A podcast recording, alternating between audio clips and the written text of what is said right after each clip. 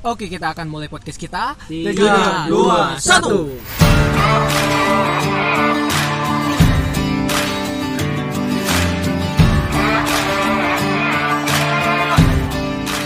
Ntar ngoceh dulu dikit ya.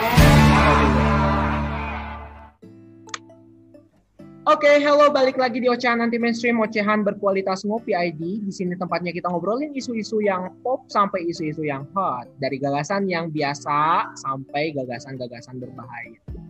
Oke, jadi ceritanya gini nih.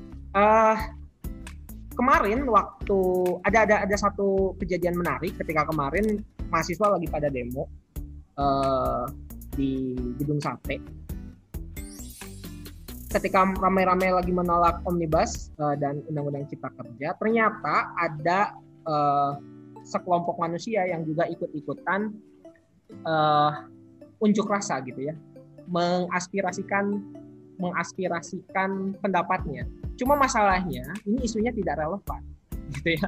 Isunya sendiri justru mereka mengangkat isu tentang uh, RUU PKS gitu untuk disahkannya RUU PKS, sexual consent dan sebagainya.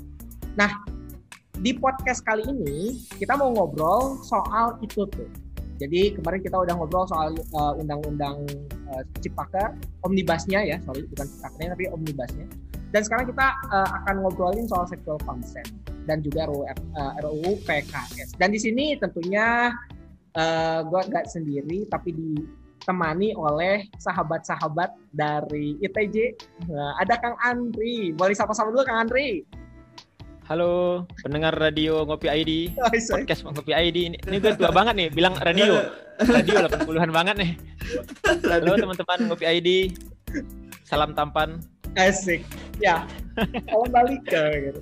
Dan juga tentu saja bersama Bang Nurdin dari Halo. Oke.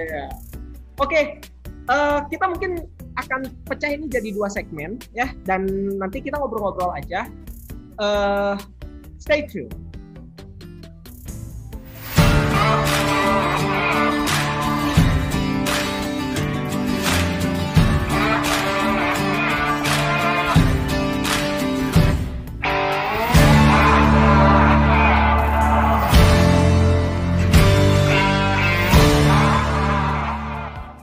Nah, sekarang kita masuk ke segmen pertama.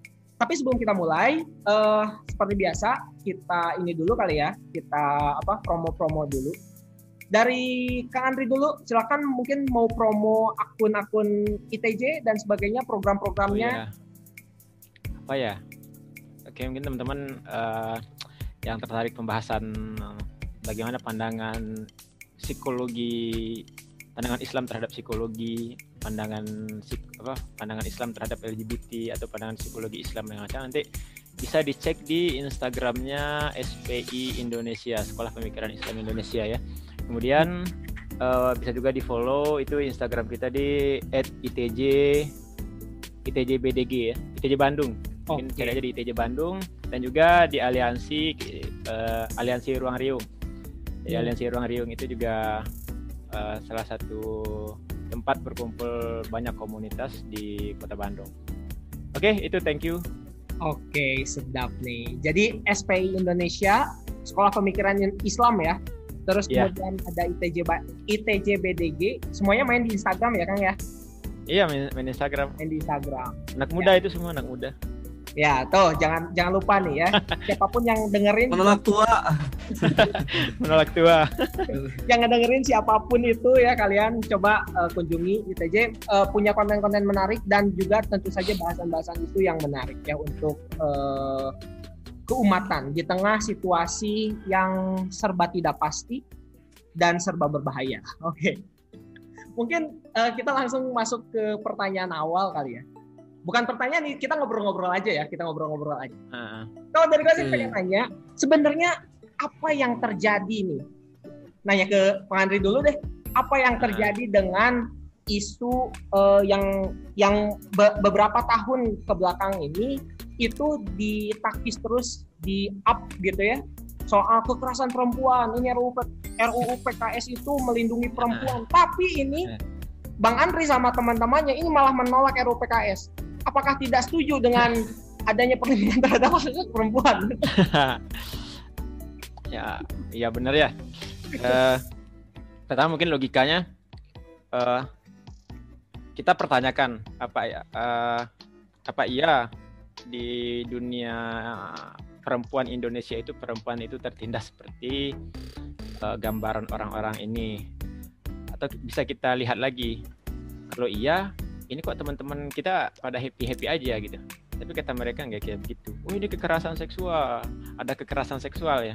Tapi dalam dalam teori statistika kita belajar itu kalau apa penalaran jumlah itu kita ada ada ya kategorinya itu ada. Satu dari satu juta itu ada kan. Hmm. kemudian ada jarang sedikit beberapa semua gitu loh jadi mereka ada kekerasan seksual. Jadi Indonesia darurat kekerasan seksual. Padahal mereka cuma bilang ada bukan bilang banyak. Atau nggak bilang sebagian besar kasus itu ada kasus kekerasan seksual. Kedua kalaupun iya uh, itu logikanya kalau kita haus misalnya apakah semua cairan itu kita minum? Hmm. kan enggak hmm. gitu loh. Oke kita haus misalnya. Tapi apakah kita dikasih baygon kita minum? Kalau orang Islam misalnya wah dikasih dikasih whisky dikasih dikasih apa gitu dikasih Jack Daniel gitu kasih red label segala macam. Ya kita enggak minum. Karena walaupun kita haus kita bakalan pertanyakan dulu kira-kira apakah air yang ini, apakah cairan yang ini yang akan mengobati haus kita gitu loh. Hmm. Nah, itu logikanya yang pertama gitu loh. Dan kedua, eh, narasi-narasi yang mereka keluarin itu kayak kekerasan ini kekerasan seksual kita butuh perlindungan korban ini sebenarnya bukan hal baru mereka ini sudah ada bahkan sebelum kita lahir kayaknya tuh dahulu tahun 1984 kalau tidak salah itu Indonesia itu meratifikasi yang namanya CEDAW. CEDAW itu adalah Convention on the Elimination of All Form Discrimination Against Women. Sorry bang, gue potong dulu. Uh, sebenarnya itu kan tadi tentang ratifikasi terhadap kekerasan perempuan ya. Nah di Barat itu sendiri gimana? Karena setahu pernah juga J.K. Rowling dulu bermasalah dengan para feminis karena uh, isu apa gitu tentang gender ini. J.K. Rowling itu uh, diprotes sama pemain-pemain Harry Potter tuh. Hmm. Emma Watson sama teman-temannya. Kenapa? Karena J.K. Rowling itu nggak setuju kalau trans trans woman itu adalah woman gitu. Trans woman is not woman kata J.K. Rowling.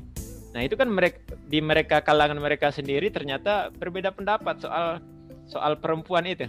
Nah hmm. sekarang ada ke, anti kekerasan terhadap perempuan apakah perempuan di kepala kita sama sama kepala mereka? Tapi di, di diskursus mereka sendiri perempuan itu ternyata bisa diperdebatkan kayak begitu. Nah nah kemudian se, se, setelah itu ada yang namanya itu uh, apa sih? Masuk dalam program pemerintah itu pengaruh utamaan gender atau gender mainstreaming. Jadi uh, hak-hak untuk perempuan katanya gitu loh tapi sebenarnya kalau dilihat konteksnya, konteksnya nggak cocok sama di Indonesia. Indonesia nggak ngala, nggak ngalamin bagaimana kejadian tragis yang dialami oleh perempuan di Barat gitu. Di Indonesia kita lihat ada Syekh Siti Rahmah Al Yunusia. Ya, ketika ketika yang katanya Barat itu menjunjung tinggi feminisme, tapi Siti Rahmah Al Yunusia dengan uh, narasinya bahkan ketika itu menolak terma apa sih yang dibawa Kartini itu emansipasi ya. Hmm. Ya ini emansipasi bukan dibawa Kartini tapi dipolitisa, dipolitisir oleh orang-orang tertentu ya. E, emansipasi. Ketika itu si Sekoh Rahma El Yunusyah itu menolak term emansipasi wanita. Tapi apakah Sekoh Rahma El Yunusyah ini kolot? Enggak. Sekoh Rahma El Yunusyah ini bahkan kalau tidak salah itu menjadi satu-satunya orang yang menjadi uh, apa yang di yang diminta untuk mengajar di Al Azhar Mesir gitu loh. Masa perempuan di zaman itu di zaman 1900-an mhm. berapa ya? 920-an ya kalau nggak salah. Menolak emansipasi tapi dipakai gitu ya? Iya tapi kok bisa perjalanan jauh? Kok nggak tabu gitu bagi nah. Syekh Rahmah Siti Rahmah El Yunus ya pergi dari Padang itu ke Mesir. Ini kan jauh gitu loh. Hmm Padahal dia nolak emansipasi. Tapi sekarang malah orang-orang yang membawa RUU PKS itu uh, mengklaim itu wah itu gara-gara feminis, gara-gara hmm. feminis jasa feminis nah itu. Kemudian tahun tahun di tahun-tahun 2013 ya itu ada eh 2011 apa 2000 berapa itu ada RUU KKG keadilan dan kesetaraan gender. Tapi ketika itu ditolak rame-rame oleh umat Islam Tapi ada kelanjutannya. Kelanjutannya dilanjutkan oleh rancangan undang-undang penghapusan kekerasan seksual. Ini kan namanya rancangan undang-undang penghapusan kekerasan seksual. Kok ditolak?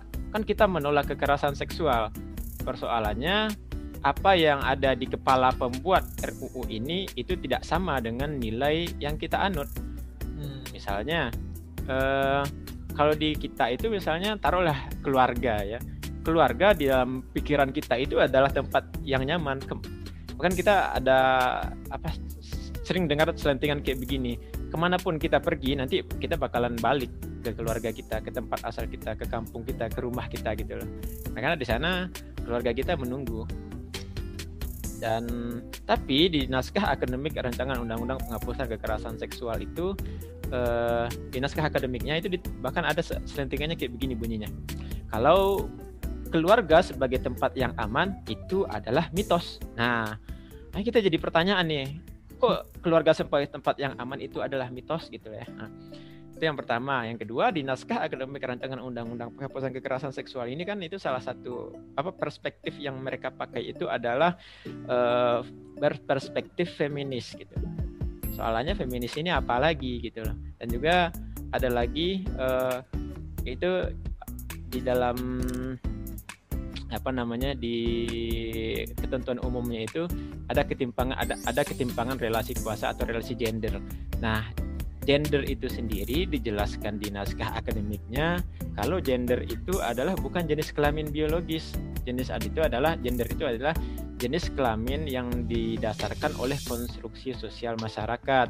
Nah, kan yang dahulu yang mengusung RUU PKS ini itu mereka juga punya diskursus-diskursus dan dis, dan dalam diskursus mereka kita banyak temukan dalam pemikiran tuangan-tuangan pemikiran mereka pembagian atau klasifikasi-klasifikasi gender itu apa aja.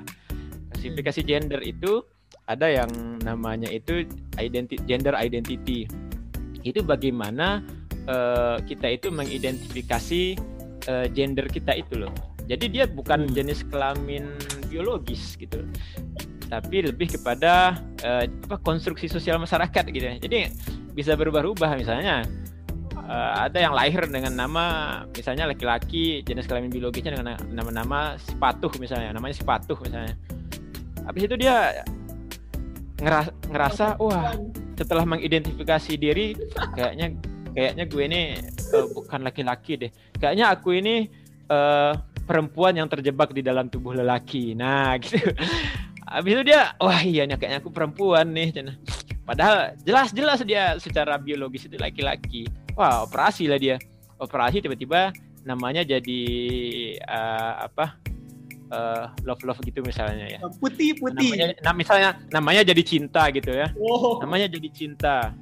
Cinta misalnya. Misalnya nama jadi cinta Lena misalnya ya. Ini hmm. Hanya contoh aja kalau ada yang mirip ini hanya fiksi belaka ya. Oh, nah. Nggak ada ya nggak ada di sini. Nah itu adalah salah satu uh, apa gambaran dari identitas gender. Jadi bisa saja misalnya yang terlahir jadi dari jenis kelamin laki-laki bisa dia menganggap dirinya itu adalah laki-laki atau perempuan atau transgender atau dia belum menentukan jenis kelaminnya. Atau kemungkinan-kemungkinan yang lain. Makanya kalau di Thailand itu KTP orang eh, jenis kelaminnya itu bisa tujuh muntah kita ngapalinnya gitu ya. Sampai tujuh. Tujuh. Dia tambah belasan gitu, enam belas. Iya, karena kemungkinan-kemungkinan itu gitu loh. Karena nggak ada batasannya. Bisa jadi nanti suatu hari nanti karena nggak nggak dibatasi bisa jadi jadi ratusan. ya, jadi misalnya wah aku jenis kelaminku gaib misalnya aku makhluk astral bisa jadi kayak begitu kemudian ada lagi dalam pembagian gender itu ada ekspresi gender jadi seperti apa sih misalnya si orang itu mau mengekspresikan dirinya seperti gender apa? Apakah misalnya saya apakah saya mau mengekspresikan gender saya itu dengan feminin atau maskulin? Atau uh, apa namanya yang gabungan itu androgini pencampuran feminitas dan maskulinitas gitu. Ya misalnya masih laki-laki nih tapi pakai bajunya yang ujung bajunya itu di dikuncir sampai kelihatan uh, itunya besarnya gitu loh. Tapi habis itu mukanya di menor menorin tapi masih ada jakun jenggot tangannya masih kayak itu masih kayak abis fitness gitu. Ada urat-uratnya gitu loh. Mereka berdandan layaknya perempuan tapi tidak menghilangkan jenis uh, kelaki-lakiannya androgini androgini androgini padahal iya. itu kita kenal dulu itu satu aja tuh bencong gitu ya ya benar nah tapi sekarang itu di, malah dibikin-bikin keren gitu kan. Wah Makin variatif berarti ya. Iya. Jadi orang ketipu. Makanya orang ketipu di RUU ini karena karena bahasanya itu oh, seolah-olah benar gitu loh. RUU anti apa penghapusan kekerasan seksual. Wah, perempuan yang mungkin yang secara tidak sadar kan ada simpatinya gitu loh. Wah, hmm. iya nih. Masa kita menerima kekerasan seksual apalagi yang punya pengalaman pengalaman-pengalaman yang tidak baik misalnya. Eh satu lagi yang yang dalam diskursus gender itu ada lagi uh, sexual orientation apa sih orientasi seksual itu ada heteroseksual di, di mereka ya ada heteroseksual, ada biseksual, uh, kemudian ada homoseksual, ada seksual dan segala macam. Itu yang kita kenal yang biakal kita biasanya lebih lebih akrabnya itu dengan sebutan LGBT atau LGBTIQ plus plus plus plus banyak plus plusnya gitu loh. Karena memang yang namanya nafsu kalau di mau dibikin apa klasifikasi kayak ilmu pengetahuan sekalipun tetap aja nggak ada batasannya. Makanya LGBT, IQ, plus plus plus plus. Kenapa? Karena memang tidak ada batasannya. Karena memang berasalnya dari nafsu gitu loh. Nah itu sih jadi eh, RUU penghapusan kekerasan seksual itu kenapa ditolak? Karena nilai yang dia bawa itu nggak sesuai sama nilai-nilai kita. Kita di Indonesia itu nggak cocok sama nalar yang mereka pakai. Perspektif feminis perspektif gitu ya. apakah kita bermasalah sama apa perempuan kita bermasalah karena budaya patriarki ya seperti yang mereka gelontorkan? Padahal patriarki itu susah itu mendefinisikannya dengan kontekstual Indonesia. Misalnya kalau ada perempuan misalnya di Indonesia yang tinggal di rumah dan suaminya bekerja apakah itu patriarki? Itu nggak nggak bisa disamain sama budaya barat.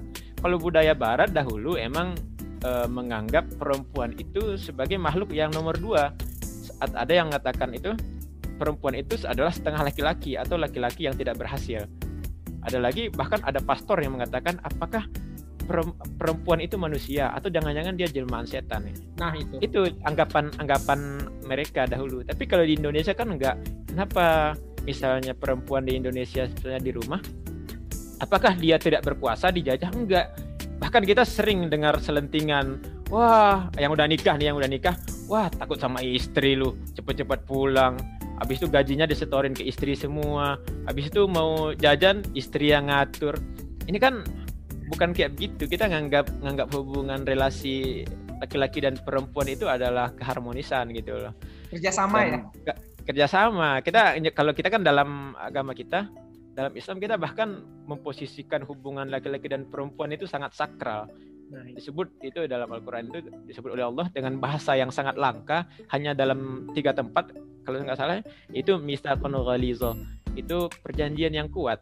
Hmm. perjanjian yang kuat. Bahkan Allah sendiri men mensakralkan hubungan kita sama perempuan. Hmm. jadi di mana patriarkisnya kita gitu loh. Di iya. mana kita menjajah perempuannya. Nah itu. Jadi pers feminis perspektif itu nggak cocok.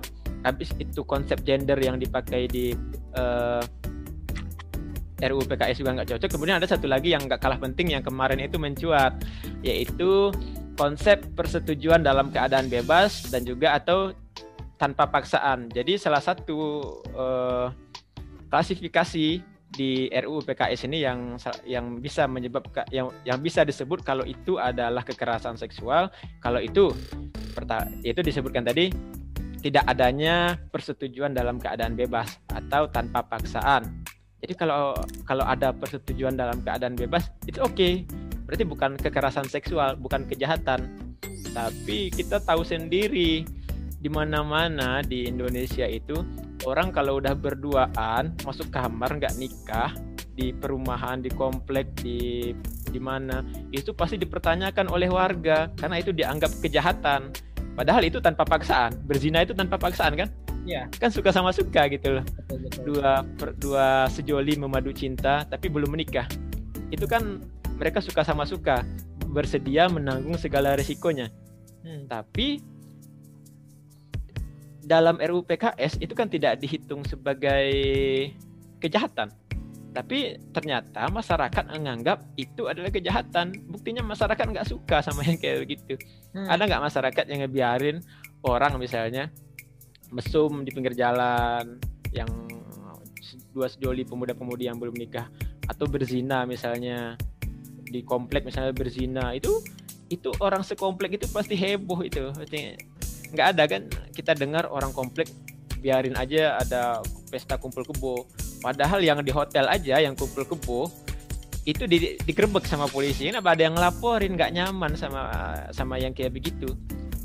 Yang homo yang kumpul kebo yang laki-laki perempuan kumpul kebo ternyata masyarakat nggak suka. Kan mereka itu tanpa paksaan. Nggak ada kalau di istilah mereka itu biasa disebut sexual consent. Atau kita terjemahin aja jadi konsensual seks atau atau seks dengan persetujuan. Nah ini kan bermasalah.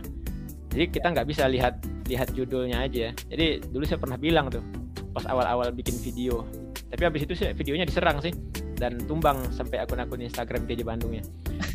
Kalau uh, ini nih kayak kayak bungkusnya isinya seolah apa bu mereknya itu seolah-olah madu tapi isinya racun gitu lah. Hmm. karena kan judulnya siapa sih yang nggak tertarik siapa sih yang suka sama perempuan dikeras-kerasin nah, dijajah kan kita nggak suka.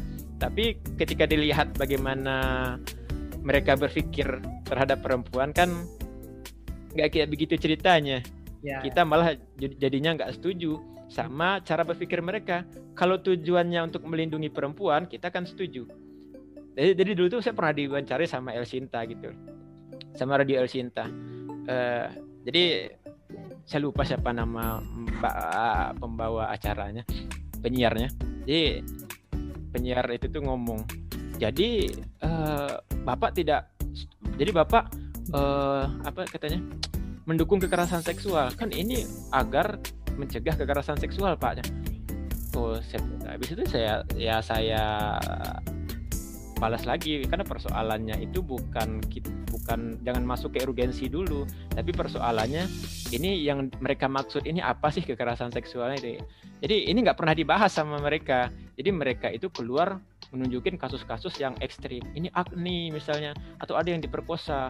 Makanya butuh RUU PKS tapi mereka nggak pernah ngeluarin narasi RUU PKS itu apa? Pengertian feminis perspektif itu apa? Persetujuan dalam keadaan bebas itu apa? Mereka nggak pernah ngejelasin.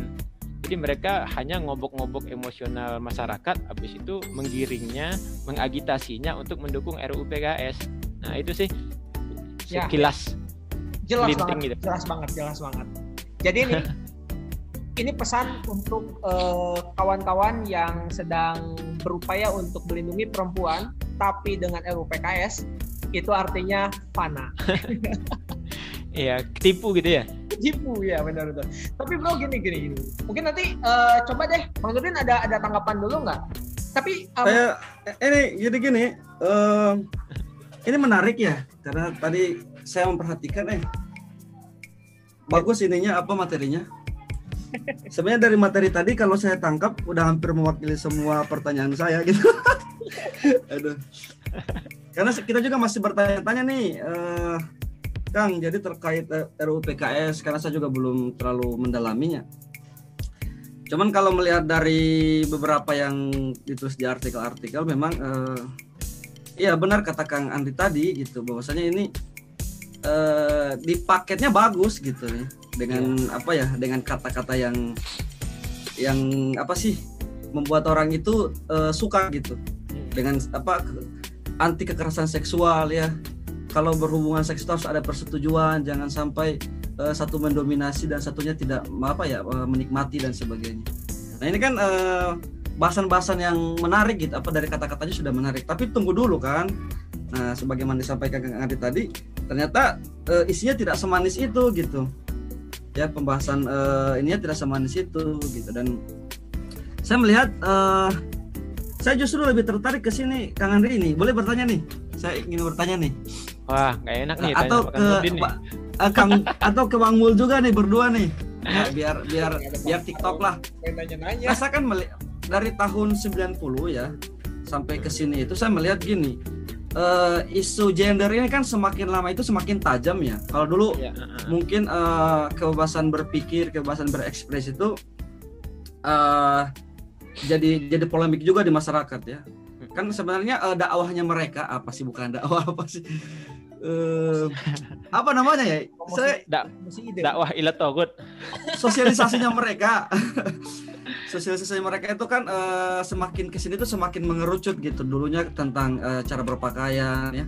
Eh, apa sih eh, orang itu dulu sangat eh, tidak suka dengan orang berjilbab dan sebagainya. Terus ke sini ke sini apa seks bebas juga pernah ada isu-isu terkait seks bebas nah sampai ke sini su- semakin semakin apa ya semakin detail gitu ininya tuh eh, isunya tuh. Berani sampai ke nah sampai semakin berani gitu semakin sampai membahas hal-hal yang sifatnya sensitif sampai keselangkangan lah kalau bahasa Iya. bahasa kasarnya kayak gitu.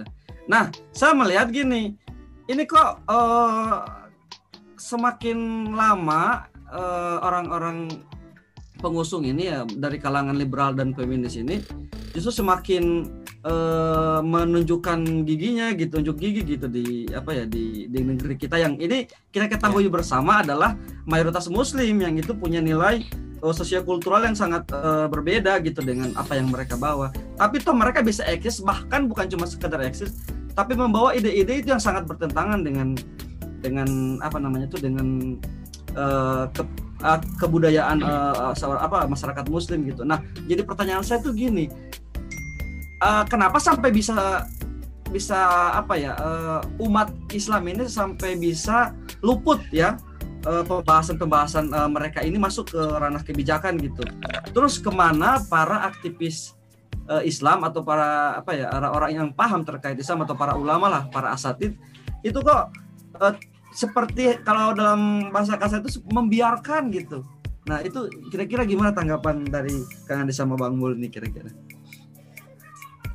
kalau saya sih dulu tuh Bu Hamka dulu pernah nulis buku tentang bagaimana apa eh, perempuan dalam Islam itu Bu Hamka itu nulis soal bagaimana perempuan dalam Islam kemudian Bu Hamka di buku Giroh juga itu ngomentarin soal bagaimana perempuan-perempuan dalam budaya-budaya pop ketika zamannya Bu Hamka. Ada yang apa eh, dia adalah istri dari orang lain tapi mau berdansa dengan orang lain gitu. Itu di, di buku Girohnya Buya Hamka gitu loh. Dan kemudian eh, banyak masih banyak juga eh, penolakan apa tulisan-tulisan yang lain dari dari para ulama tapi untuk narasi-narasi ini narasi, kalau menurut saya pribadi ini memang narasinya itu sangat halus sekali. Dulu tuh nggak nggak segamblang ini. Dulu Hmm. masih pemberdayaan perempuan. Tapi kan siapa sih yang ngeh gitu soal pemberdayaan perempuan gitu? Dan dari dahulu mereka emang emang su- sudah punya orang kok. Dari dahulunya emang udah punya orang. Kan dari zaman kemer apa dari zaman kita merdeka juga kan eh, nggak semuanya i- apa ada juga dari kader-kader mereka kader-kader yang kalau dalam catatan sejarah kan mereka disebutnya sebagai nasionalis nasionalis sekuler dan para pendiri bangsa para ulama kalau dalam catatan sejarah kan lebih banyak disebut sebagai apa nasionalis Islami gitu loh. Hmm. Eh, ya yang kader-kader mereka kan tet- tetap tetap ada. Bahkan di, di tahun berapa ya? Tahun 60-an, 70-an itu kan mereka masih pemikir-pemikir liberal itu masih udah ada kok. Habis itu di yang lebih melejitnya lagi ketika zaman eh, Harun Nasution, Polis Majid dan segala macamnya. Apalagi setelah eh, Harun Nasution itu mengel- mengelola kalau nggak salah itu apa eh, IAIN Institut Agama Islam Negeri yang kemudian merubah kiblatnya menjadi eh, yang awalnya itu kiblatnya itu dari berkiblat kepada Al Azhar di awal-awal terbentuk dan beberapa bulan apa nggak sampai setahun gitu loh ketika dipegang oleh Harun Nasution itu akhirnya berkiblat kepada Amerika Amerika Islamic Studies Amerika gitu. Barat gitu ya Barat singkatnya Barat lah gitu.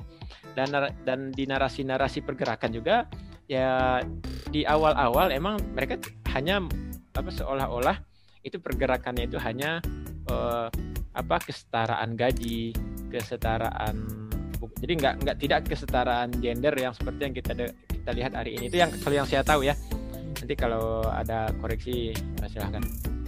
Jadi narasinya nggak tidak segamblang hari ini. Walaupun ada tapi tidak tidak begitu mendominasi gitu loh. Ya, itu yang pertama itu yang pertama. Dan pengkaderan mereka kan juga terus gitu ya. Dan pengkaderan pengkaderan feminis itu se- setiap masa waktu itu itu sesuai sesuai eh, pergerakan yang mereka bawa gitu. Dan mereka nggak ujuk-ujukan seperti sekarang se- pas pas mereka mulai dapat eh, payung di apa di Cidau tahun 1984 itu. Nah mereka akhirnya mulai banyak payung hukumnya untuk gerakan-gerakan perempuan itu. Mulailah ada pemberdayaan perempuan eh, apa sih itu lagi ada keluarga berencana ada gerakan-gerakan yang banyak lah yang lainnya gitu loh. Habis itu eh, saya lupa itu gerakan-gerakan populer tapi tapi kesetaraan gender itu udah mulai disuarakan gender mainstreaming gender mainstreaming pengaruh utamaan gender itu tadi dan diskursus-diskursus di, di Institut Agama Islam Negeri juga sudah mulai banyak mencuat. Kenapa? Karena kan udah kiblatnya udah udah berkiblat ke Islamic Studies eh, apa Barat Amerika gitu loh. Hmm. McGill apa apa Chicago gitu ya saya lupa itu ya. dan kemudian eh, selain itu kan mereka mereka kan mengkadernya kayak di dikirimlah kader-kader di Indonesia dikirim kuliah ke luar negeri lewat beasiswa beasiswa atau yang kuliah di Libya juga juga ada yang dikader tuh sama mereka. Jadi dulu saya pernah dapat cerita dari salah seorang ketua ketua organisasi dakwah besar di Indonesia yang waktu itu saya silaturahim. Beliau itu tamatan beliau itu dulu kuliah di Libya. Jadi beliau itu sempat dikader sama Ulil dikader Eh. sama Ulil tapi karena beliau ini pinter gitu loh. Jadi yang ditanya sama Ulil itu dapat sama dia jawabannya gitu. Hmm. tapi teman-teman yang lain itu kan nggak terbiasa sama budaya dialektika nggak biasa sama budaya diskusi diskusi yang alot gitu. Ya akhirnya nggak terlalu dapat gitu loh.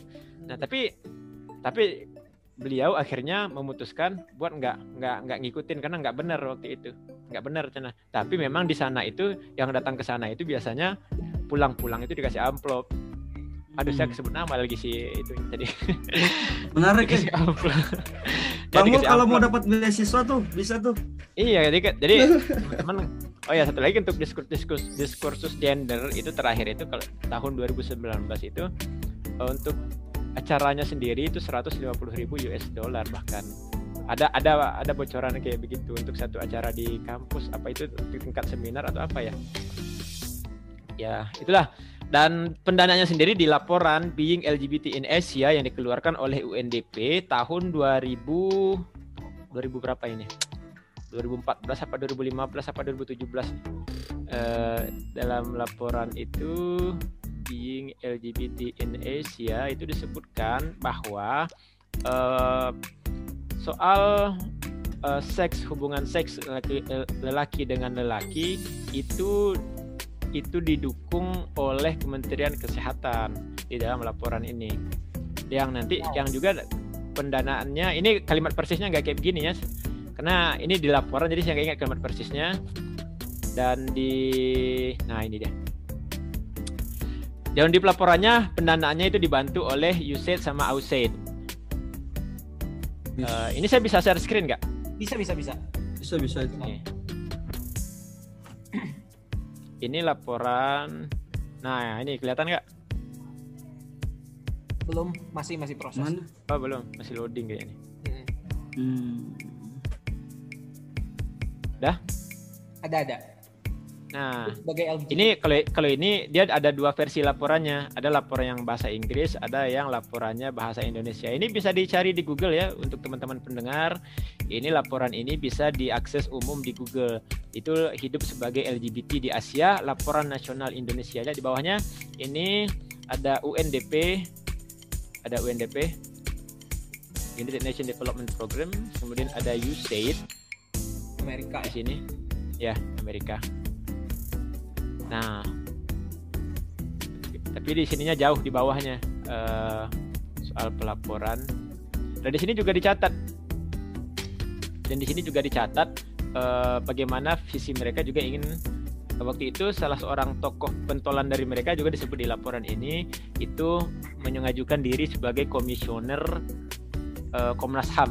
Tapi alhamdulillahnya ketika itu nggak kepilih tapi buat mereka di sini mereka kalau mereka kan bersedih di sini kalau kita ya alhamdulillah gitu ya. Nah itu sih. Ya ya. Eh, jadi pergerakannya itu memang eh, apa namanya nggak nggak ada habis-habisnya lah gitu ya.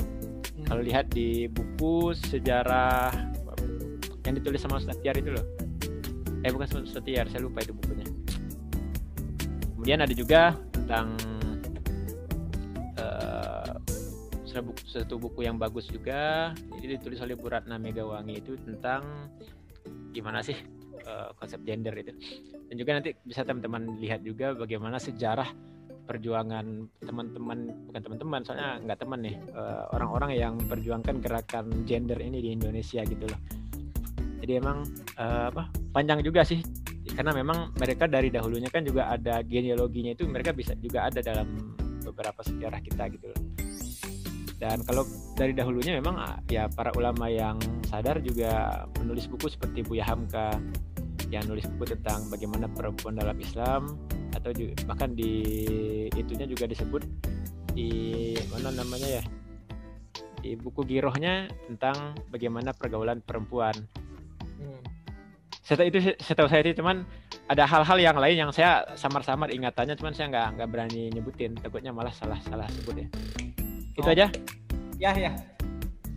Wih, uh, banyak banget ya poinnya nih padat berisi uh, tegas dan cerdas dan uh, ini nih tadi sebetulnya ada ada beberapa poin yang uh, dicatat ya terkait dengan uh, apa tuh namanya tuh narasi yang dulu gitu ya ya narasi yang dulu di kalau kalau dulu narasi orang-orang liberal ini untuk untuk mengkampanyekan ide-idenya itu kan tidak segamblang sekarang Apakah ya. ini berarti uh, struktur sosiokultur masyarakat kita yang sudah berubah jadi makin liberal atau gimana nih?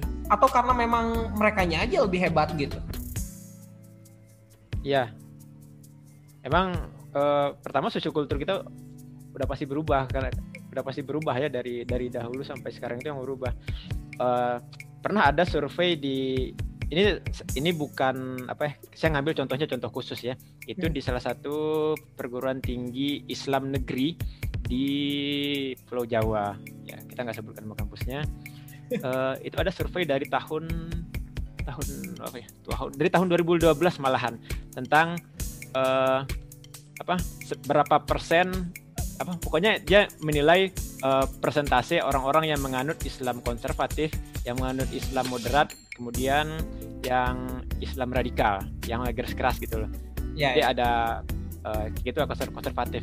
Dan di tahun 2012 itu yang Islam konservatif, yang Islam radikal itu udah udah 0%. Yang ada udah Islam moderat. Hmm. Maksudnya Islam moderat itu adalah Islam yang sesuai dengan pandangan orang-orang Islam liberal. Ya. ya, itu tahun 2012 gitu loh. Ya, ya. Yang yang mengadakan survei itu mereka sendiri.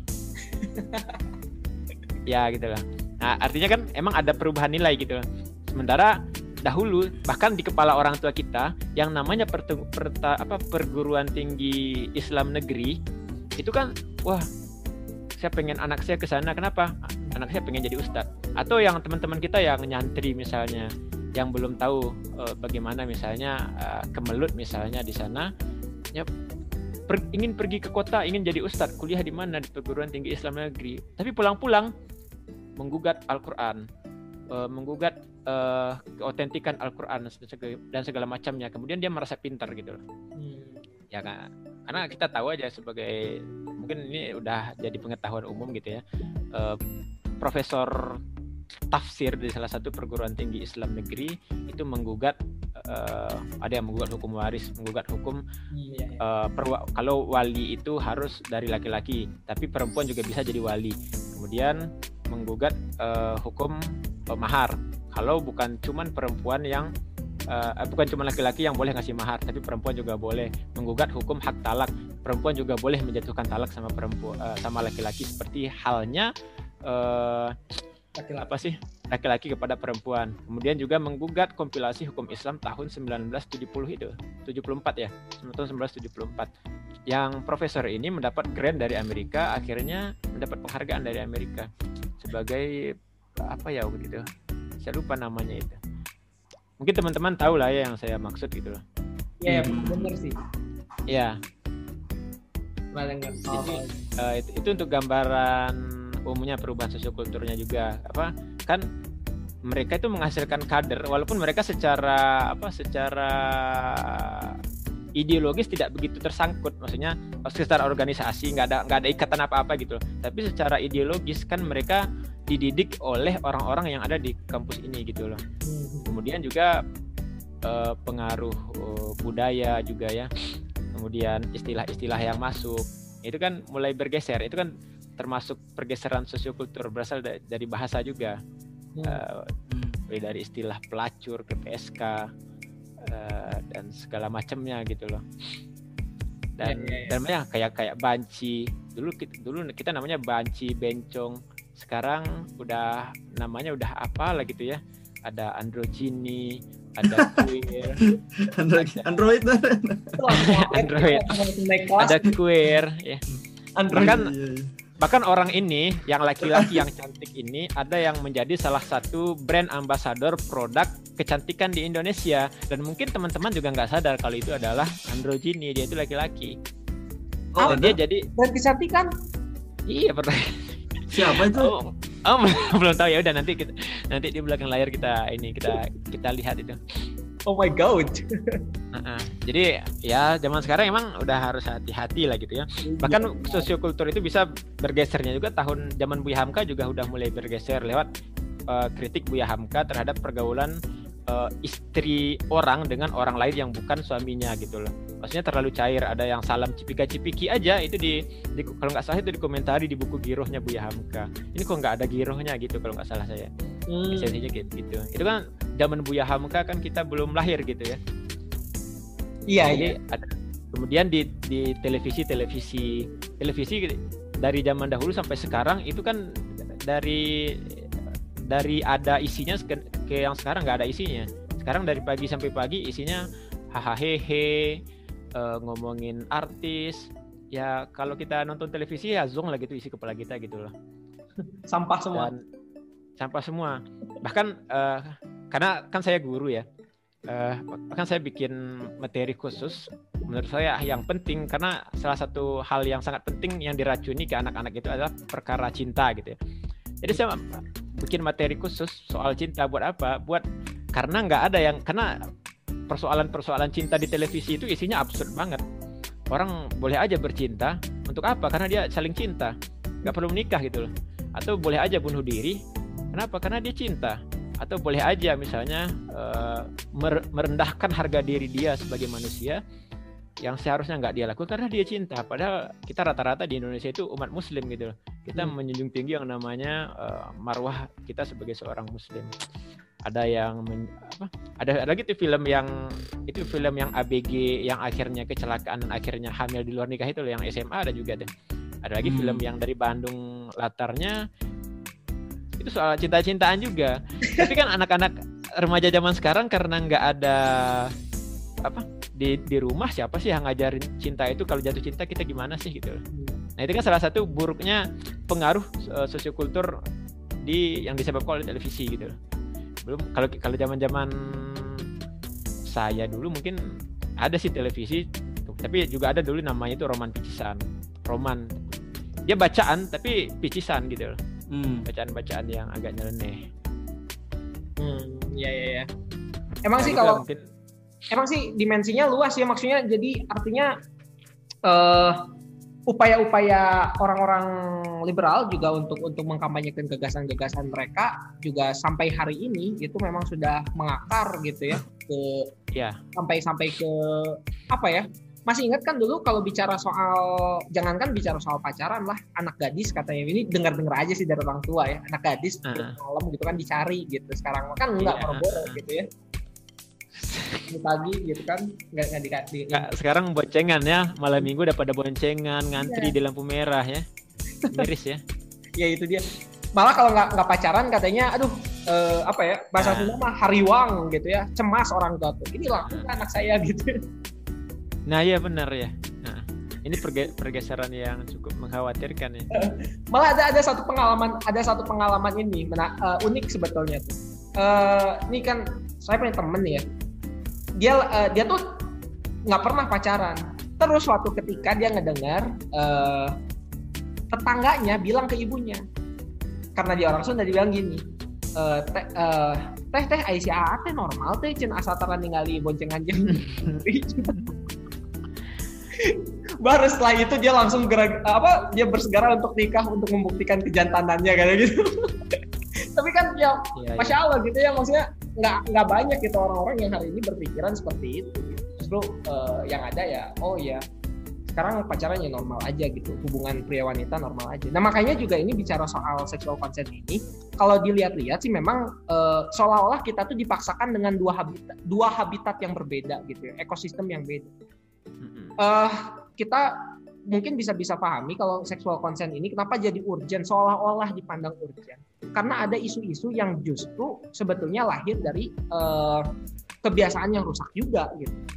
Ketika contohnya kenapa orang uh, begitu concern sekarang uh, untuk apa ya untuk memunculkan gagasan uh, kalau kalau berhubungan seks itu harus ada kesepakatan harus ada apa namanya konsensus gitu ya uh, supaya supaya dan dan ini kenapa harus disahkan supaya orang-orang tuh dalam tanda kutip wanita itu ter uh, apa terlindungi gitu ya dan juga mungkin tadi orang yang punya penyimpangan penyimpang penyimpangan apa ya disebutnya penyimpangan uh, kepribadian ya penyimpangan kepribadian juga itu dia bisa terlindungi dari hujatan orang-orang. Nah makanya mungkin uh, seolah-olah ini jadi urgent ditemukan urgent di sana gitu ya. Padahal kultur masyarakat kita sendiri yang pada dasarnya uh, tidak pernah ada masalah dengan itu.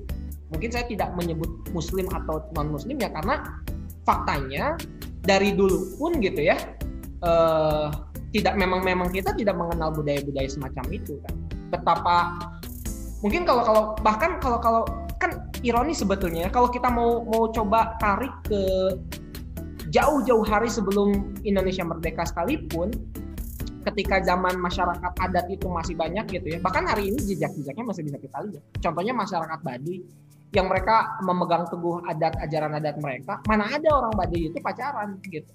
Nggak ada mereka nggak pacaran pacaran gitu.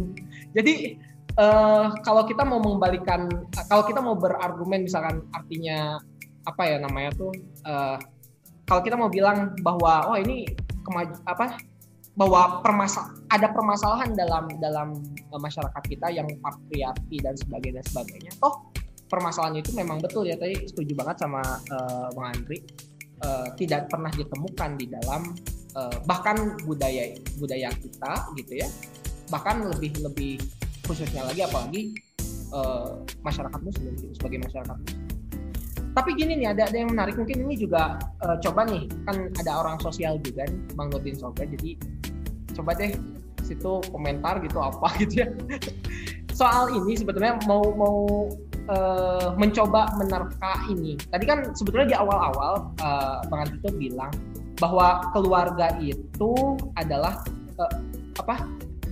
Bahwa sekarang anggapan bahwa keluarga itu adalah tempat yang aman itu dibantah. Anggapan anggapan RUU PKS. Ha, anggapan anggapan orang-orang yang uh, apa ingin mengesahkan RUU PKS ya mereka sampai bilang keluarga tempat aman itu mitos. Tapi kayaknya ada-ada ini juga deh ada benarnya. Karena gini loh, uh, untuk situasi hari ini ya, untuk situasi hari ini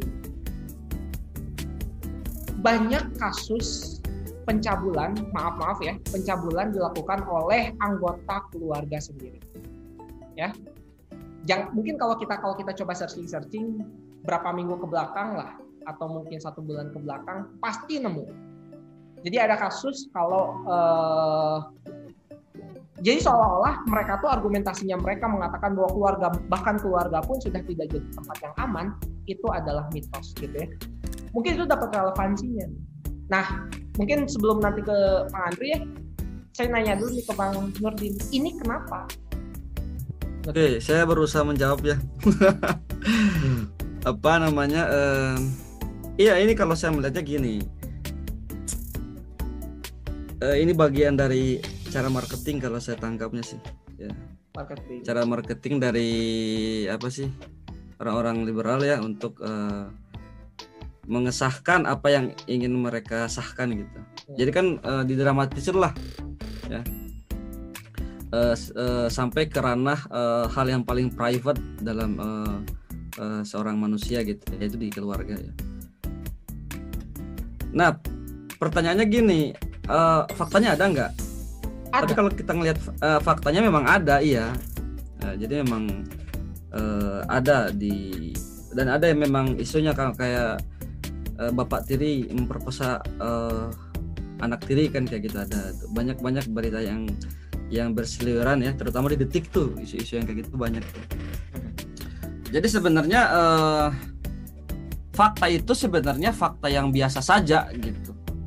Jadi eh, cuman kan di diambil sebagai eh, narasi untuk ini untuk eh, ditariklah keadaan itu ya realitas itu untuk eh, memperkuat argumentasi daripada eh, mereka gitu terkait eh, pentingnya betapa pentingnya undang-undang ini gitu.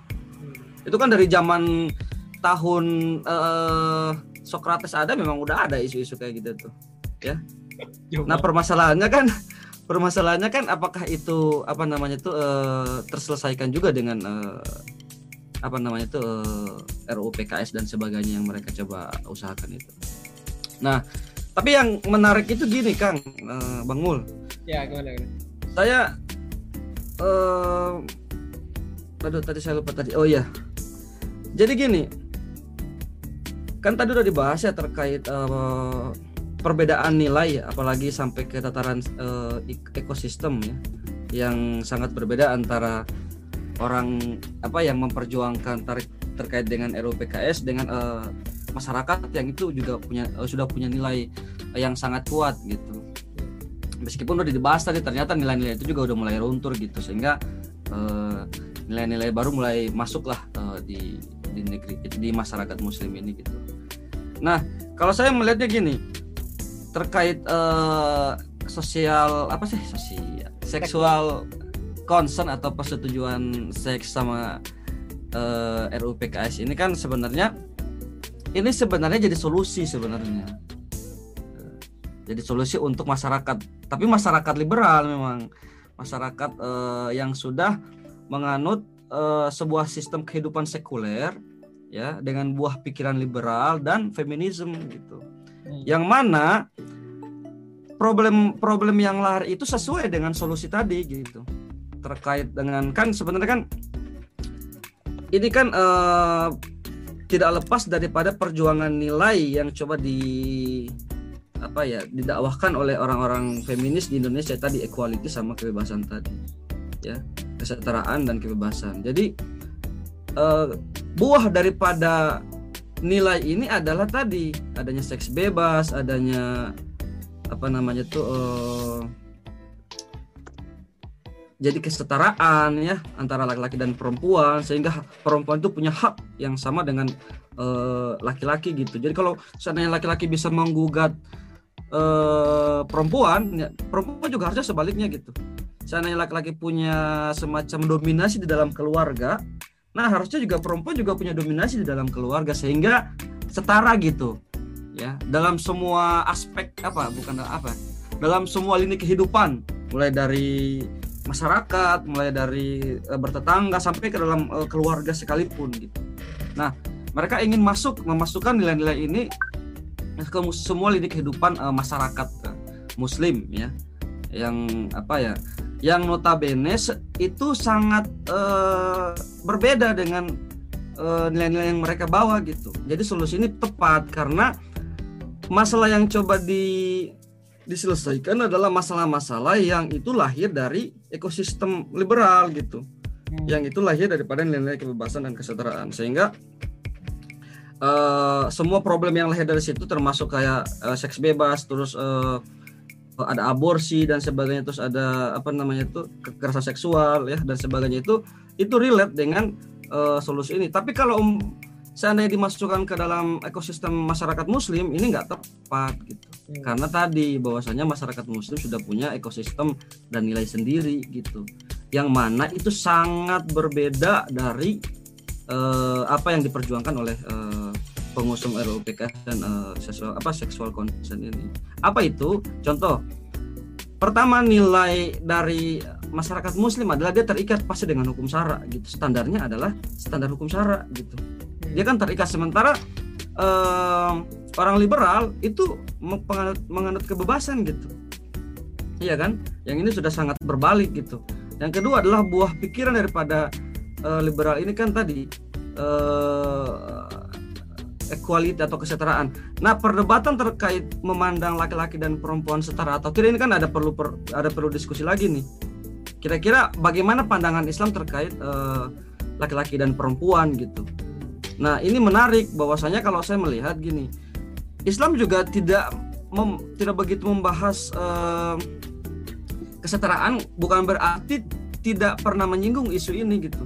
Karena gini, Islam itu kan sudah jelas bahwasanya melihat laki-laki dan perempuan itu uh, sama gitu. Yang bisa membedakan tadi hanya ketakwaan saja, sama sebagai sosok manusia gitu. Meskipun nanti ada punya peran yang berbeda gitu dalam keluarga ya. Misal bapak ya, dia sebagai kepala keluarga, ibu sebagai apa? uh, ibu rumah tangga atau ya sebagai sebagai pemimpin rumah tangga dan sebagainya. Nah, saya melihat ini sangat sangat berbeda nilainya gitu. Sehingga kalau mereka memasukkan ini tadi akan pasti akan ada uh, konflik uh, nilai di situ. Pasti ada ada semacam apa ya gozul fikir, ada perang pemikiran di masyarakat muslim. Nah, tapi yang menarik adalah gini yang disampaikan sama Kang Andri tadi, bahwasanya ternyata nilai-nilainya juga udah mulai luntur, ya kan? Semakin ke sini sehingga nilai-nilai uh, yang sifatnya sekuler, liberal itu gampang banget masuk ke masyarakat kita. Nah, yang menjadi concern saya justru bukan mengurangnya nilai tadi, tapi memang masyarakat kita, masyarakat Muslim sebagian besar, mayoritas ya, sudah tidak menjadikan Islam sebagai standar hidup gitu ya terutama menjadikan hukum syara sebagai uh, panduan dalam uh, hidup gitu menjadikan setiap aktivitas saya ini sesuai nggak dengan hukum syara terus standar kebahagiaannya sudah bukan karena ridho Allah gitu like and dislike-nya Allah Subhanahu wa taala udah bukan di situ lagi gitu. Ya kan? Uh, standar kebahagiaan saja sudah berbeda gitu masyarakat muslim dengan uh, masyarakat barat gitu. Yang itu kalau masyarakat barat sangat uh, standar kebahagiaannya sangat materi ya. Sementara masyarakat muslim tadi uh, like and dislike-nya Allah Subhanahu wa taala. Jadi kalau umpama ada nilai baru, Allah suka nggak dengan nilai ini kan cara ukurnya kayak gitu tuh. Cara berpikirnya kayak gitu. Nah, saya menangkapnya seperti itu, Kang. Okay. Jadi kemungkinan nilai ini seandainya masyarakat muslim masih memegang erat nilai-nilai Islam, sebenarnya uh, tanpa kita dakwahkan pun mereka udah punya udah punya apa namanya dasar untuk menolak gitu. Tapi kan faktanya tadi yang disampaikan Kang Andri ternyata masyarakat kita masih masih justru makin hilang gitu, makin hilang nilai-nilainya itu di tengah-tengah masyarakat muslim. Oke, okay, thank you Nordin. Dan uh, mungkin cukup dulu kali ya buat segmen satu kita akan lanjut ke segmen 2 karena kita tadi sudah banyak membahas tentang uh, dari mulai perbedaan sosiokultural antara masyarakat muslim dengan masyarakat liberal dan permasalahan-permasalahan yang boleh jadi itu adalah pragmatis ya dihadirkan oleh uh, kalangan liberal itu sendiri Nah, kita akan lanjutkan diskusi ini ke sesi berikutnya. Kebetulan ini juga baru join. Tadi ada Kang Indra Gundi dari Jogja. Jadi, uh, jangan ke mana-mana tetap di podcastnya Ngopi ID.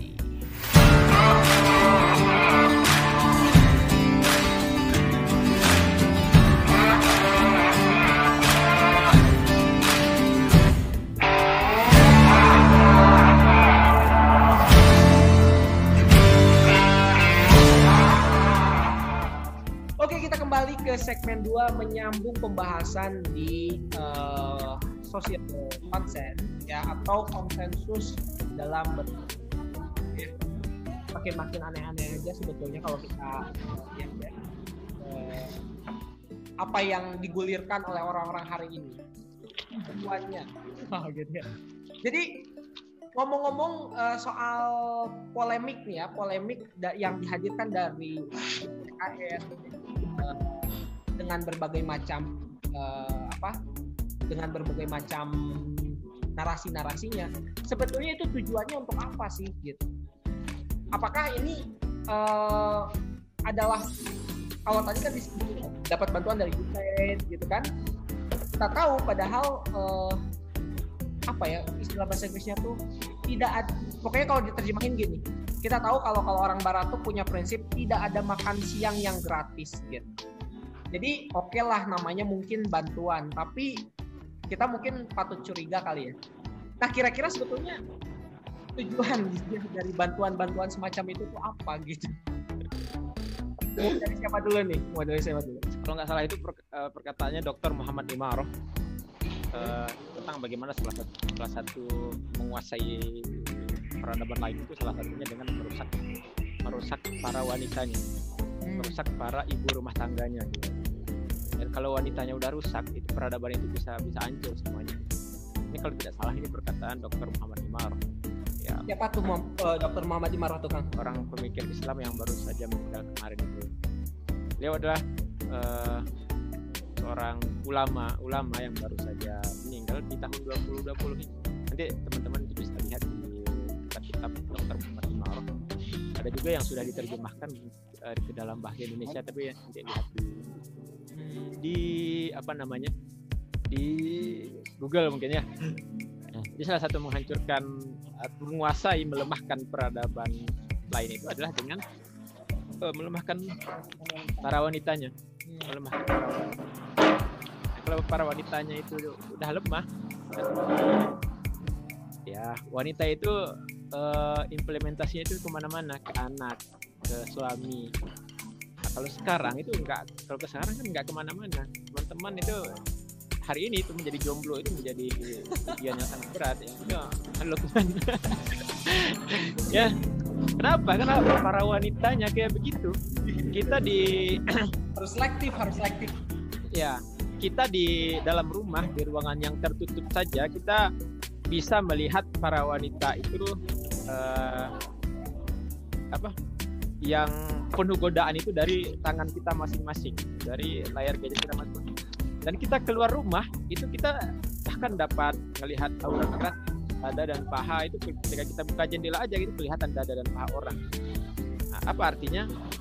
Dan ya itu kan be- berpengaruh sama jiwa gitu loh dan jiwa kita itu me- apa melemahkan apa melemahkan apa keimanan dan ketakwaan kita. Dan kalau keimanan dan ketakwanya lemah jadi kesemuanya juga lemah. Gitu. Nah, makanya eh, salah satu untuk menghancurkan atau melemahkan atau menguasai atau menjajah sebuah peradaban itu dengan merusak para wanitanya. Dan kemudian juga eh,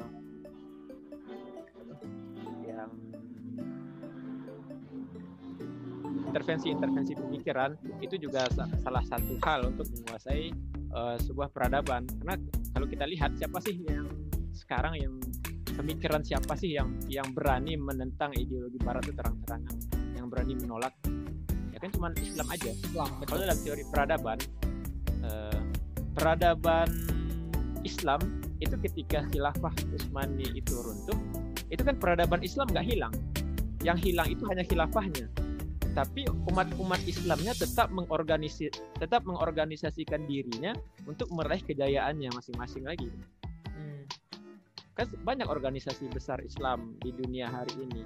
Dan itu punya punya tujuan eh, dan masih punya pri- memegang prinsip yang sama gitu loh. Walaupun mungkin dengan cara yang berbeda-beda. Kita lihat misalnya eh, orang mau pergi ke Mesir misalnya. Apakah orang dengan begitu gamblangnya menerima budaya-budaya Barat? Kan tetap ada gesekan tetap ada gesekan. Kenapa? Karena nilai-nilai Islam itu masih diterapkan. Kita misal taruh di Indonesia kan kita bukan negara ini bukan negara eh, apa bukan negara Islam gitu. Ya. kita bukan negara Islam tapi bukan juga negara sekuler. Ya. dan hukum undang-undang pernikahan kita memakai kompilasi hukum Islam. Lagi kompilasi hukum Islam yang disepakati oleh para ulama zaman dahulu. Ya terlepas apa pun khilafiyahnya ya. Nah, tapi kan tetap memakai hukum Islam dan kita menikah pakai hukum Islam. Nggak ada satu, ada nggak sih orang orang Islam di Indonesia yang ketika dia meninggal itu langsung dicemplungin aja ke dalam kubur? Nggak ada.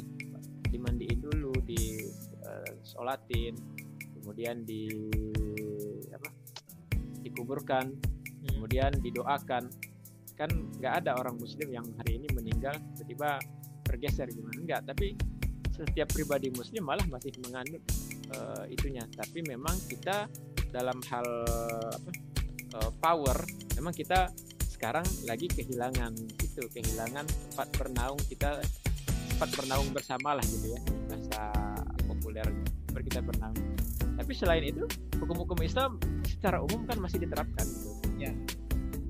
Masih orang masih pakai orang masih uh, memegang teguh walaupun eh, apa sih namanya jilbab yang gaul lah gitu ya tapi setidaknya itu masih menggambarkan masih ada walaupun tidak sempurna masih ya masih adalah nilai Islam itu dianut gitu lah ya yang sudah pakai jilbab yang pendek-pendek kan tinggal dipanjangin gitu lah Hmm. nah gitulah maksudnya dan bahkan kalau kita lihat misalnya di saya waktu awal-awal ke Bandung itu yang apa ya kita saya agak kaget gitu Pak. itu saya eh, waktu hujan itu hujan dan saya sholatnya di di musola mall di Ciwok waktu itu. Saya lihat itu orang ngantri sholat pakai pakai rok pendek guys. Pakai rok pendek habis itu pakai baju pendek tapi ngantri sholat menjamu kena ke orang petugas musolanya. Di satu sisi kita ngelihat adanya apa, pengaruh mungkin pengaruh yang dirasakan juga secara tidak sadar oleh masyarakat itu pengaruh sekularisme. Karena eh, dia dengan kesadarannya sendiri di mall kan di mall bisa asik-asik. Bisa main ada tempat main game ada tempat nongkrong tempat makan tempat pacaran. Tapi ketika waktu sholat dia milih sholat. Hmm. bajunya kayak begitu yang salahnya apanya? Yang salahnya ya barangkali ya barangkali kesalahannya dia mengdikotomikan kalau agama itu ada hanya sholat hanya ibadah-ibadah ritual padahal agama itu kan eh, sekujur tubuh lah gitu. Agama agama Islam itu kan sekujur tubuh. Dari lahir sampai apa dari pertama kita diciptakan sampai kita kembali lagi sama Allah. Dari bangun tidur sampai kita tidur lagi. Dari lu masih jomblo sampai naik kepala minang. Dari yang masih belum punya anak sampai kayak udah banyak cucunya. Itu kan kita itu paradigma dalam kepala kita kan dengan dengan apa dengan sudut pandang Islam itu Islam Makanya- ya. Nah, jadi eh, tinggal kita mengamankan cara pandang kita ini agar tidak diganggu gugat nanti dengan apa? Dengan kewajiban apa ke, mungkin kewajiban kewajiban kewajiban yang cukup besar mungkin untuk semua umat Islam itu yang memperjuangkan nilai agamanya sendiri. Hmm. Ya mungkin dari sekarang dimulai dari hal kecil gitu ya, hal kecil. Makanya kalau sekarang kan kayak menolak nahi mungkar, kita baru sekelas nahi Ya. mungkar. Tapi nanti kan di suatu saat kita mesti punya tujuan. Kalau ya apa dunia ini itu mesti eh, hidup dalam naungan naungan hukum Islam lah gitu ya. Ya, Ya ya. itu sih kalau kalau pendapat saya mah kayak begitu. Iya ya, wah makasih banget nih.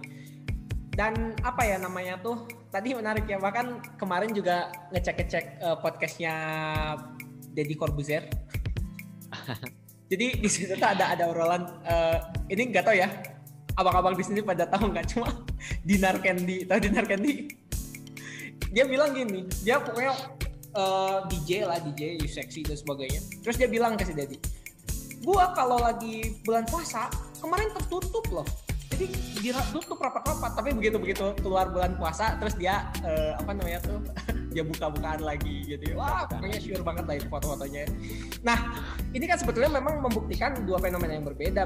Meskipun eh, hari ini tantangan-tantangan kita itu ya tantangan eh, generasi muda lah ya tantangan zaman kita itu mengarahkan mengarahkan kita pada eh, apa liberalisme gara-gara adanya eh, perang pemikiran. Tapi di satu sisi juga yang menarik bahwa ruh spirit eh, paradigma Islam dalam benak seorang muslim itu masih tertanam gitu ya. Tidak peduli sekarang dia sedang apa gitu ya. Makanya tadi kalau misalkan di mall pakai pa- pakaian serba mini serba ketat terus dia ngantri sholat ya itu jadi memang sesuatu yang mungkin ada tadi ya ada ada apa ya Lahan dakwah yang unik ya. Nah itu dia. Tapi itulah eh, lahan-lahan lah ya, lahan lahan dakwah ya. Makanya lu harus selamatin lu. Iya gitu. Nah, betul tuh, Bro. Bengul tuh. Iya. Ini nih Gundi nih. Selamatin bro. So Kang Gundi, Kang Gundi hela. Yes, ini nih kayaknya belum belum. Apa ini? Mumpung-mumpung belum itu. Ya soal-soal inilah soal apa ya? Tadi kita ngobrol sampai mana nih barusan? Eh soal fenomena mungkin Bukan-bukan.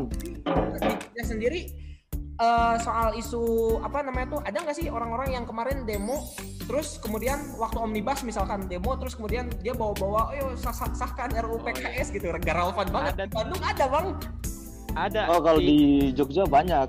Oh, Jogja. iya Jog- Jogja Jogja itu sarangnya tuh. itu Jogja, Jogja sarangnya malah Jogja ini sarangnya. jadi ser- apa kan ya? jurnal Banyak. apa jurnal aduh siapa lupa tuh nama jurnalnya tuh ya Allah Eh, aduh kok bisa lupa ya saya ya astagfirullah padahal itu sering dibaca itu jurnal Emang keluarnya di Jogja Hmm, jadi markasnya dari, dari sana nih. Jogja dan Iya. LGBT kan? LGBT Hmm. tua. Besar, besar banget kalau Jogja. Ibu kota, ibu kotanya LGBT itu bukannya Jogja. dan di Jogja dan di Yogyakarta Principles itu kan hal yang penting juga yang disepakati di Jogja soal soal naungan apa itu berkumpulnya eh, tokoh-tokoh di seluruh dunia itu berkumpul di Jogja dan kemudian mengesahkan yang namanya Yogyakarta Principles dan salah satunya kan itu mengadvokasi itu orang-orang yang bermasalah secara seksual atau orang-orang yang punya penyimpangan seksual itu di Yogyakarta Principles Hmm. Ya, emang luar biasa ya eh, itu di Jogja. Dan teman-teman yang di Jogja juga itu eh, strategi dakwahnya juga rada beda gitu loh. Nah, Hmm. karena memang kulturnya kayak begitu dan waktu tahun 2019 ada demo besar-besaran. Itu teman kita sempat dicari-cari sama orang kiri Jogja. Sampai-sampai kita di Bandung tuh ah, nanyain apa gitu karena gara-gara teman kita waktu itu yang di camp itu eh, di- menolak masuknya tuntut salah satu tuntutan itu di tahun 2019 menolak masuknya tuntutan sahkan RUU PKS Hmm. dicari sama anak-anak di Jogja. Pas dia pulang ya. Jadi Yang yang Jogja 2019 yang tentang KPK itu kan. ya Jogja memang istimewa. Oh iya. dan dan itu kan kita ingat tuh di zaman itu. Nah ini yang menarik nih yang mungkin saya ceritakan. Terakhir sebelum azan nih Iya ya. terakhir banget kan. Eh, di Jogja itu kan ada selentingan apa bukan hanya di Jogja secara umum di tahun 2019 kan ada demo besar-besaran itu. Ada mahasiswa yang mengatakan eh, selangkanganku milik pacarku. Itu bi- dibikin di pamflet banyak ya. Benar, ada ada. Selangkanganku- milik milik pacarku bukan milik negara. Dan ada juga yang malah bikin videonya. Dan itu banyak gitu loh. Eh, tapi kalau dibandingkan mahasiswa secara umum tentu saja ini mereka tidak mewakili mahasiswa secara umum ya. Eh, Itu sengaja di up juga sih kayaknya. iya nah.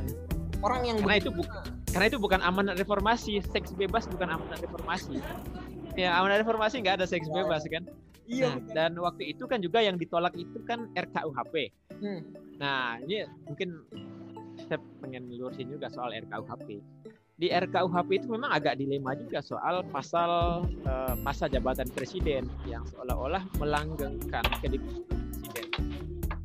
Tapi di pasal lain soal kesusilaan terakhir itu di RKUHP yang ditolak tahun 2019 itu di draft yang terakhir itu ada pasal kesusilaan yang sebenarnya juga cukup menguntungkan buat kultur Indonesia. Apa itu? Itu melarang kampanye LGBT di Indonesia. Ada pelarangan kampanye LGBT. Kemudian perluasan hukum tentang perzinahan. Kalau dahulu di, di kita yang lama, perzinahan itu hanya berlaku kalau bagi orang yang sudah menikah dan itu dia didelik deliknya delik aduan kalau salah satu pasangannya mengadukan. Artinya apa? Artinya di undang-undang kita tidak menganggap eh, itu menjadi pidana gara-gara moral, tapi karena ada orang yang dirugikan. Artinya materialisme. Kenapa? Coba nggak merasa dirugikan. Suaminya misalnya selingkuh, tapi dia biasa aja. Berdasarkan berdasarkan nilai Indonesia itu kejahatan, selingkuh dan berzina itu kejahatan, walaupun dia tidak dirugikan secara materi, ya kan? Hmm. Nah itu yang mau eh, deliknya sedikit diperluas di KUHP yang ditolak kemarin itu. Deliknya diperluas menjadi itu bisa yang mengadukannya anggota keluarga. Jadi bukan hanya pasangannya aja, tapi anggotanya keluarga. Setidaknya itu sudah lebih luas. Dan LGBT di eh, RKUHP itu eh, apa namanya juga sudah dilarang berkampanye. Nah, kan ini sudah sedikit lebih maju. Sekarang kan itu si saya mau nyebut nama tapi Sebutin aja lagi- ini, ini kan lagi musim tangkap tangkapnya nih kita perjuangan napas panjang juga nih nah itu kan ngomong di twitternya kayak nggak ada apa-apa gitu nyaci nyaci nyaci orang yang itu loh ada dia berasal dari Sumatera lah gitu. Ingat ya? Tahu nggak? Tebak Tahu, tahu. nah tahu ya. Nah, nah itu ya. Dia ngomong se seenak perutnya mengkampanyekan bahkan sampai sampai ada bilang di acara televisi. Kalau kalau hubu kalau apa eh berhubungan seks itu bukan adalah hak privat. Itu negara nggak boleh intervensi sampai ke urusan seks. Padahal ini RUU PKS salahnya salah seks. Tapi mereka ngomong kayak gitu. Dan di Mahkamah Konstitusi mereka juga ngomong kalau zina itu adalah hak privat. Ini orang yang sama yang mendukung RUU PKS dan RJ tahun 2019 itu dua kali juga Dubes Uni Eropa duta besar duta Uni, Uni Eropa itu datang ke DPR dan kalau yang kedua itu di bulan September atau Oktober ya itu diberitakan di detik itu malah eh, langsung mengintervensi ketua DPR soal apa soal adanya kriminalisasi LGBT yang masuk ke RKUHP jadi ternyata dapur kita itu masih eh, mau dimasukin sama sama sama Iya. mereka gitu Padahal kan itu dapur rumah kita gitu ya. Nah, jadi mungkin ke depan itu mungkin RKUHP ini perlu dikawal juga. Jadi ada pasal-pasal yang bermasalah, ada pasal-pasal yang eh, menguntungkan juga. Jadi mungkin kita harus lebih ini juga kali ya, lebih apa eh, aware gitu loh. Eh, jangan sampai kelewatan momen-momen kayak begini. Jangan sampai nanti mahasiswa kalau kemarin itu kan ada mahasiswa yang mahasiswa taruhlah mahasiswa kiri ini selangkanganku milik eh, pacarku bukan milik negara. Mahasiswa yang kanan tolak RKUHP gara-gara RKUHP membolehkan seks bebas. Ini kan sama-sama nolak RKUHP kok narasinya malah bertabrakan gitu loh. Mahasiswa yang ini nolak karena seks bebasnya dilarang, mahasiswa yang ini nolak karena seks bebasnya dibiarkan. Jadi yang mana yang benar? Nah ini narasi yang berkeliaran waktu demo besar-besaran tahun 2019. Padahal mungkin karena dinamikanya juga apa alot lah dinamika RKUHP itu jadi mungkin mahasiswa nggak ngikutin sampai yang perkembangan terakhir jadi banyak hal-hal gaib terjadi juga. Nah ini dan ini juga terjadi di omnibus law. Kita juga apa dari RUU PKS sudah ngerasain banyak tangan-tangan gaib yang bahkan anggota DPR yang bersama panjanya sendiri bingung gitu ah, kenapa draftnya udah berubah? Kenapa draftnya udah nggak ada? Kenapa draft ini bukan draft yang terbaru yang di tangannya dia? Sama kayak omnibus law sekarang gitu ya. Draftnya tiba-tiba tiba-tiba aja udah disahin draftnya nggak tahu draft yang mana.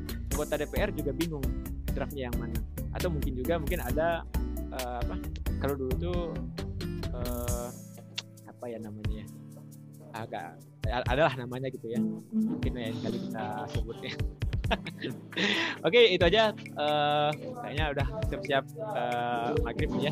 Oke.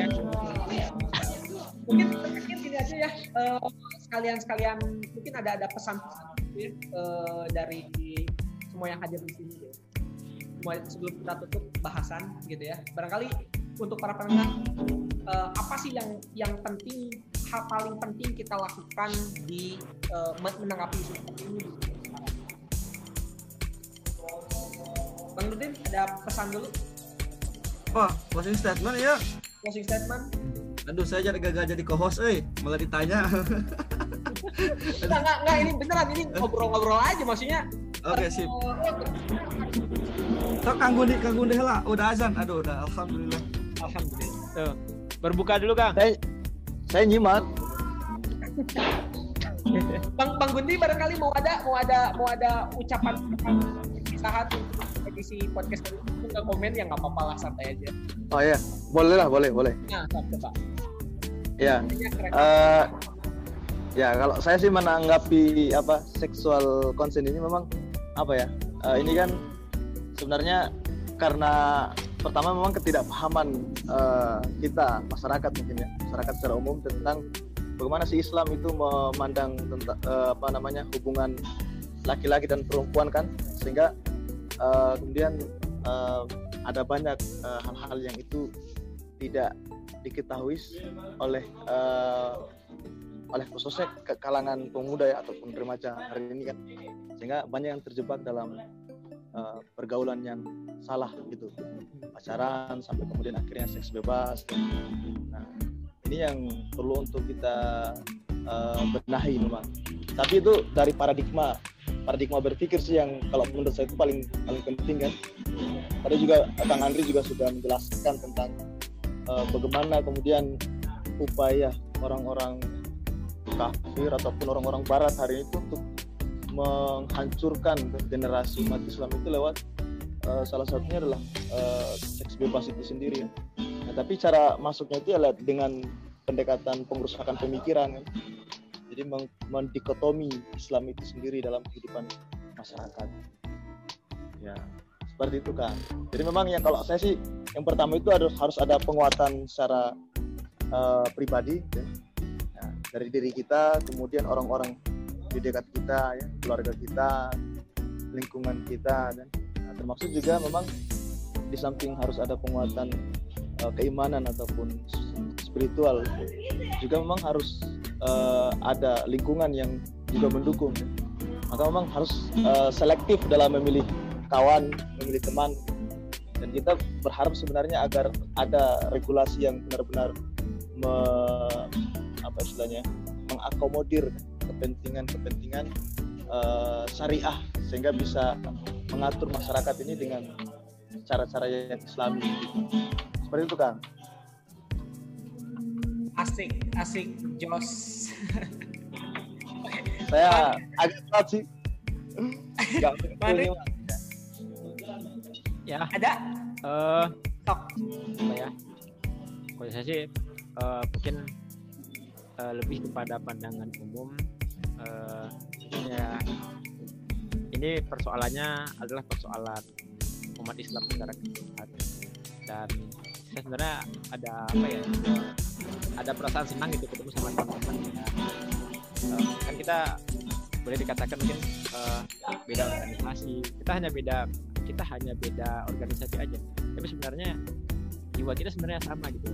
Jadi lebih mungkin merapatkan barisan gitu karena harusnya itu uh, di hadis Rasulullah ya al arwahu junudun mujannada jadi arwah-arwah kita itu apalagi yang kita apa aktif di organisasi yang tujuannya untuk dakwah ila Allah ya al arwahu junudun mujannada jadi arwah itu kan saling berkumpul gitu. Pemantan arwah minha jadi yang kita ini yang saling mengenal itu arwahnya ya istilah lah kita saling bersatu padu.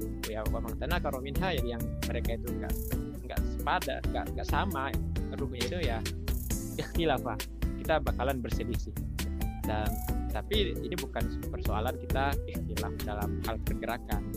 Padahal kita prinsipnya sama kita dalam pergerakan itu hal yang lumrah itu bahkan di dalam zaman sahabat saja sahabat sudah berikhtilaf bahkan di depan uh, Nabi kita Nabi Muhammad SAW.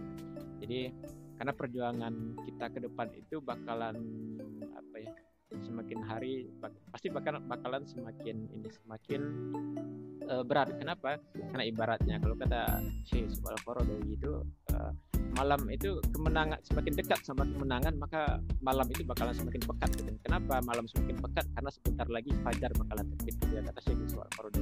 Jadi ketika malam semakin pekat dan kita tidak merapatkan barisan dan tidak menguatkan pegangan dengan teman kiri dan kanan ya kita tidak tahu nanti jangan jangan sampai nanti teman-teman kita yang mungkin ada di yang sekarang sedang berjuang di organisasi lain atau di pergerakan Islam yang lain kalau kita nggak pegang dengan erat-erat ya takutnya nanti uh, mereka uh, terkena fitnah atau apa segala macam gitu loh. Kayak sekarang misalnya tiba-tiba aja ada orang gila. Uh, saya jujur itu orang gila yang membunuh mungkin salah satu pejuang dakwah di kota Bandung itu buat saya itu agak menggeramkan gitu ya harus kenapa ya? Harusnya kita itu nggak terjadi harusnya gitu.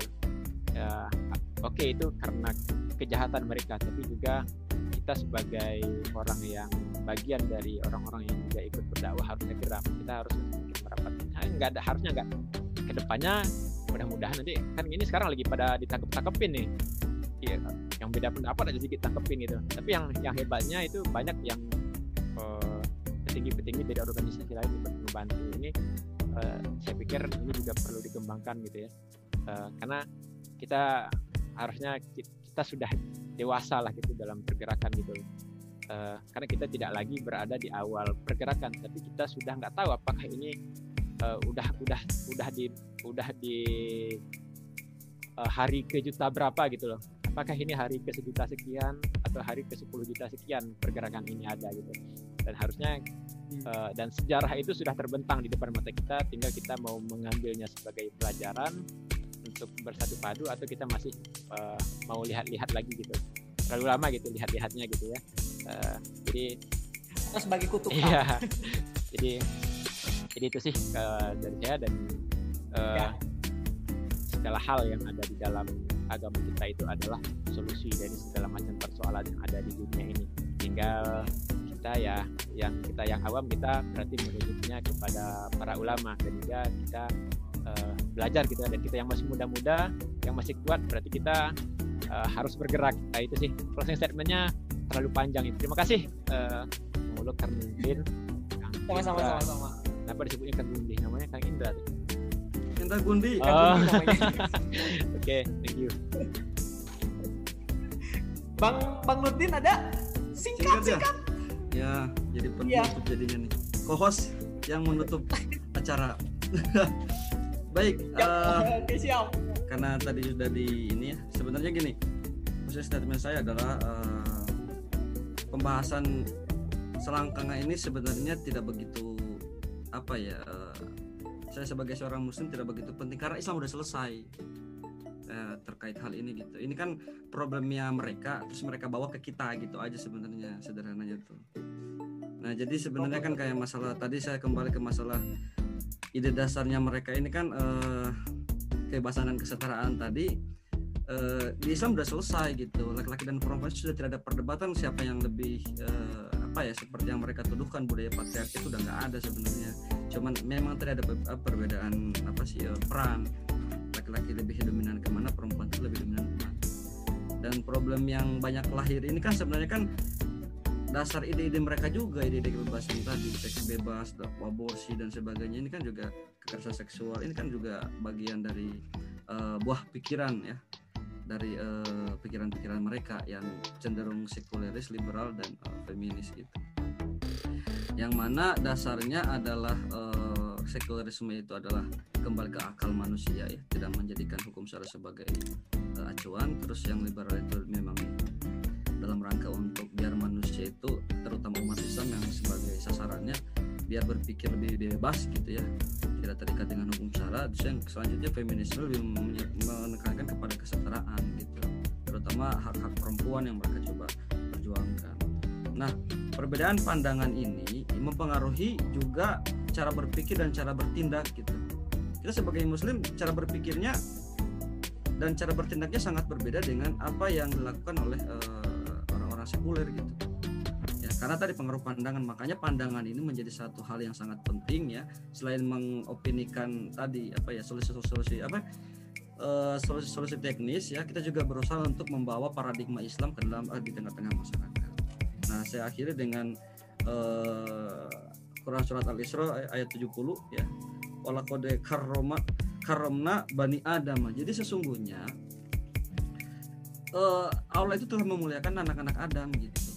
Ya jadi uh, tidak melihat dia laki-laki perempuan tapi dilihat sebagai sosok manusia gitu, ya. ya.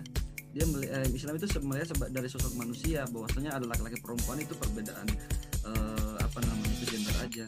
Tapi sebenarnya posisinya sama.